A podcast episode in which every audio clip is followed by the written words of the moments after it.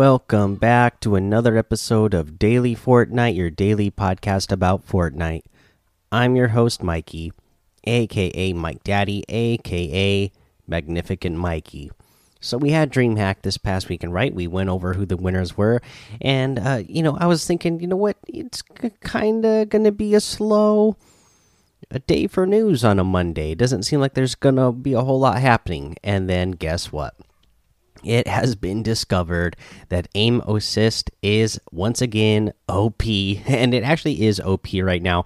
So, uh, um, turns out in the last update, uh, people have discovered that aim assist is if you have it on legacy settings, it is tracking players through anything.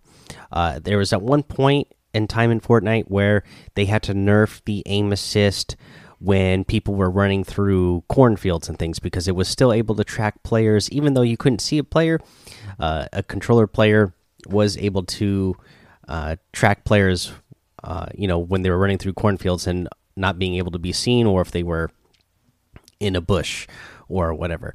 Uh, that was you know removed a long long long time ago.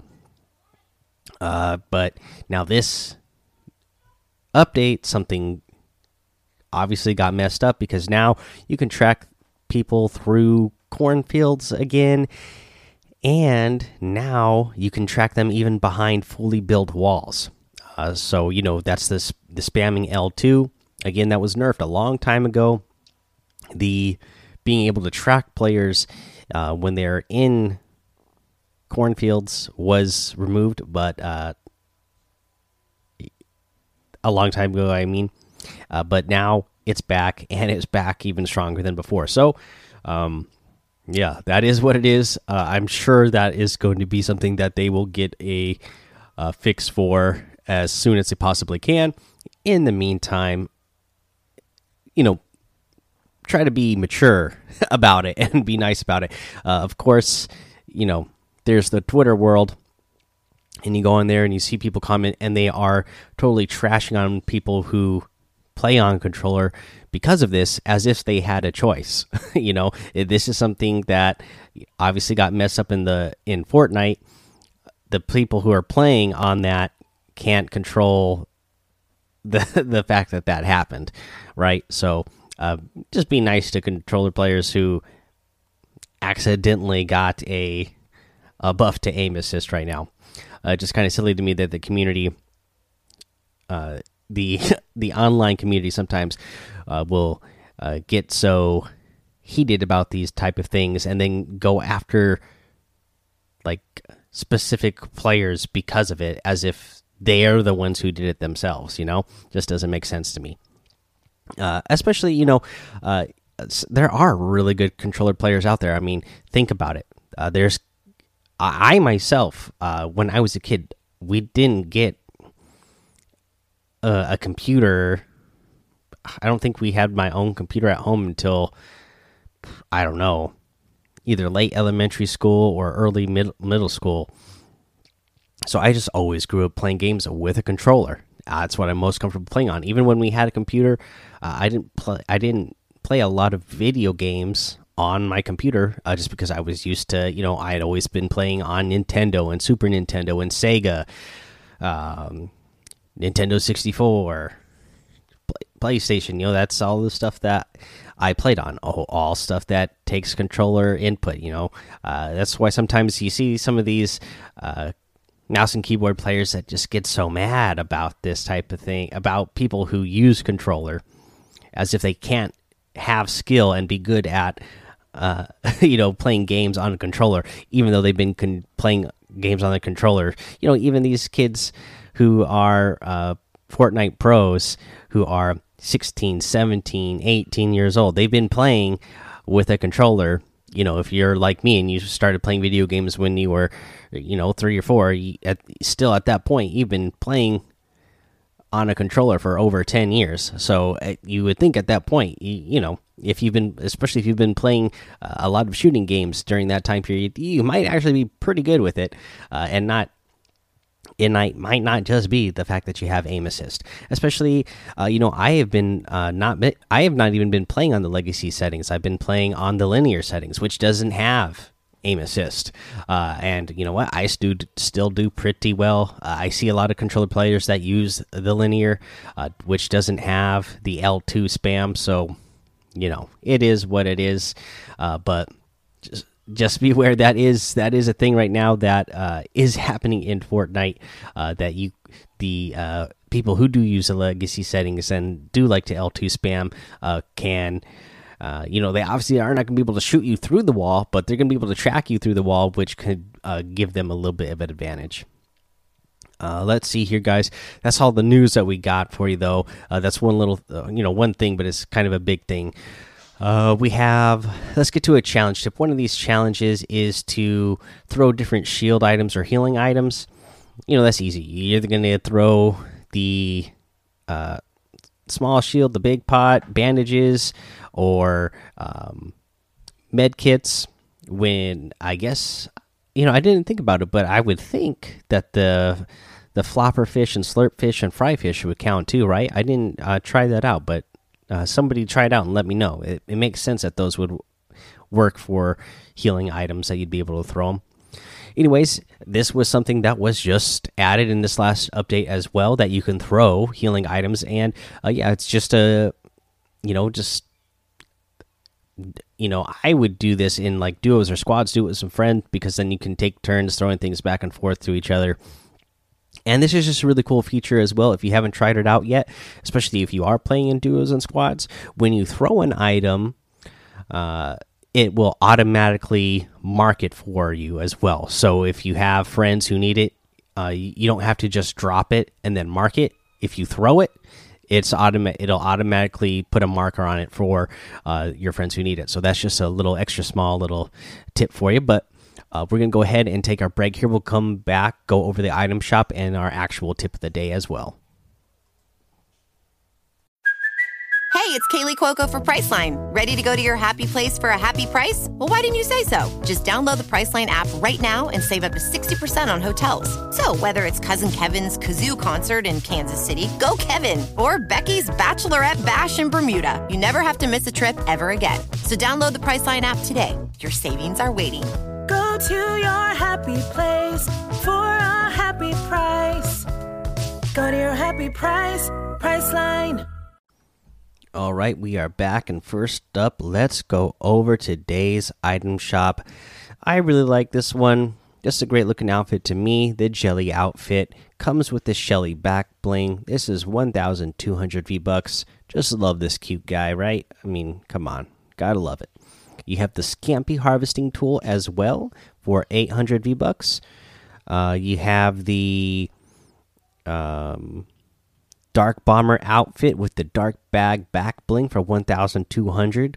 I love this one as well as the Thunder Crash harvesting tool for 1200 is really cool and the Dark Glyph glider for 500, one of the gliders I actually really like. Uh, we have the Nightbeam outfit with the Lumicore red, Lumicore red back bling for 1500. The Flare outfit with the Lumicore green back bling for 1500 the splintered light harvesting tool for 800 the mega bat glider for 800 I, again another one of the gliders that i actually like.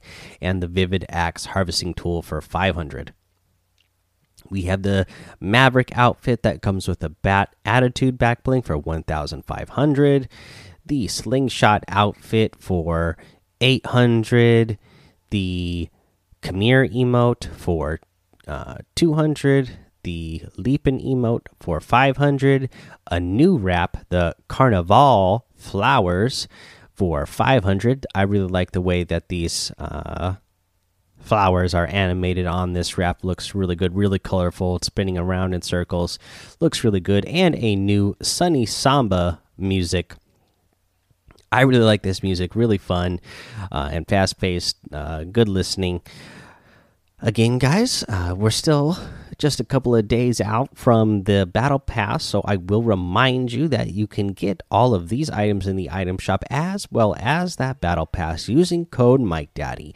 M M M I K E D A D D Y in the item shop, and some of the proceeds are going to help support the show. And I thank you for it. Now, let's go ahead and get into our tip of the day. For this tip, uh, I we kind of I saw some discussion about this in Discord. Uh, just because of this season, you know, you have all these secret base areas and the agency and whatnot, and how it can be hard to get in there and deal with the henchmen and to get the mythic items uh, and have to deal with the turrets that are in there. And there's a couple things that are going to make this easier to do. And one, the phone booths. You get in a phone booth, you disguise yourself as uh, you'll be you'll become disguised as one of the henchmen, so they won't be shooting at you. You can walk around the entire area, and you'll be able to, uh, you know, just open up the things that are locked that that you that have to scan you to open them. Like so, any doors to get to any other areas. Some of the uh, there's like those special chests in there that have a bunch of items in them, right? And shields. Uh, you open up those. Uh, they they need to scan you as well, so that is useful for those phone booths. Uh, and as long as you don't shoot and don't run into any of the henchmen either. Uh, my son found out that if you touch, you know, if you run into one of the characters, they your your disguise will go to your disguise will uh, go away, and uh, the henchmen then will start shooting at you. Um, and then generators. You know, that's the that you know. Obviously, if you are disguised as a henchman, you can get away. Uh, by walking, you can get away with walking in front of the uh, turrets because they won't go off. Uh, but you can also turn off the turrets by breaking the generator, and each secret base area has a generator that will turn off all those things once you uh, once you break it.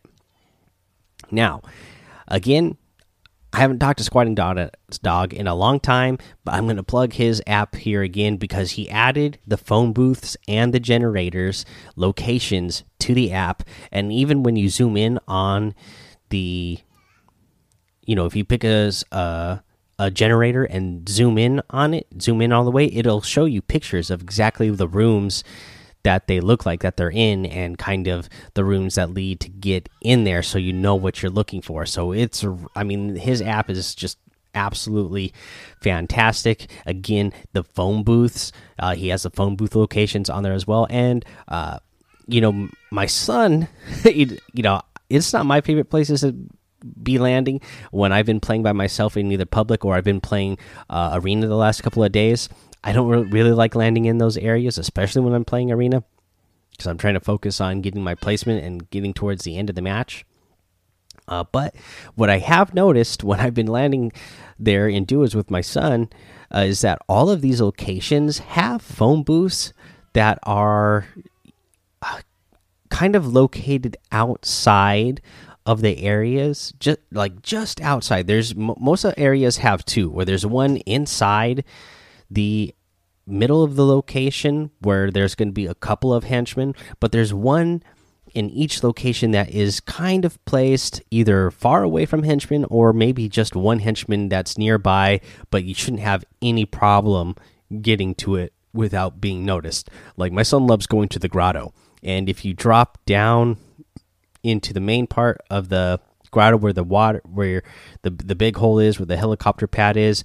Just uh, to the side of that there you can land straight down on uh, there's a, a little boat ramp that you can land right there. And there's a phone booth right there and you can just get right inside of it without any of the other henchmen ever knowing. Um, but all the locations have a spot like that. Just uh, go look at the Squatting Dog app so you can see where the phone booth locations are, and then uh, go there and take advantage of getting some really good loot because those loots have uh, those areas have really good uh, loot. Uh, I I would probably be going there myself in arena just so I could get some great weapons, uh, but you know they're just so contested that I'd rather avoid them even uh, you know, even if it does mean I can get those better weapons uh, in arena, because I'm not like the most skilled player in the world. For so for me, I'm just like just trying to survive to the end, so I can get those placement points and hopefully get uh, two to three eliminations on the way. But yeah, guys, that's the tip of the day. Uh, go take a look at Squatting Dog's app. Uh, figure out where those uh, phone booths and uh, generators are, so you can have an easier time getting those items in those areas. Uh, but that's the episode. So go join the Daily Fortnite Discord and hang out with us over there. Follow me over on Twitch, Twitter, and YouTube. It's Mike Daddy on all over those. Head over to Apple Podcasts, leave a five star rating and a written review for a shout out on the show. Make sure you subscribe so you don't miss an episode. And until next time, have fun, be safe, and don't get lost in the storm.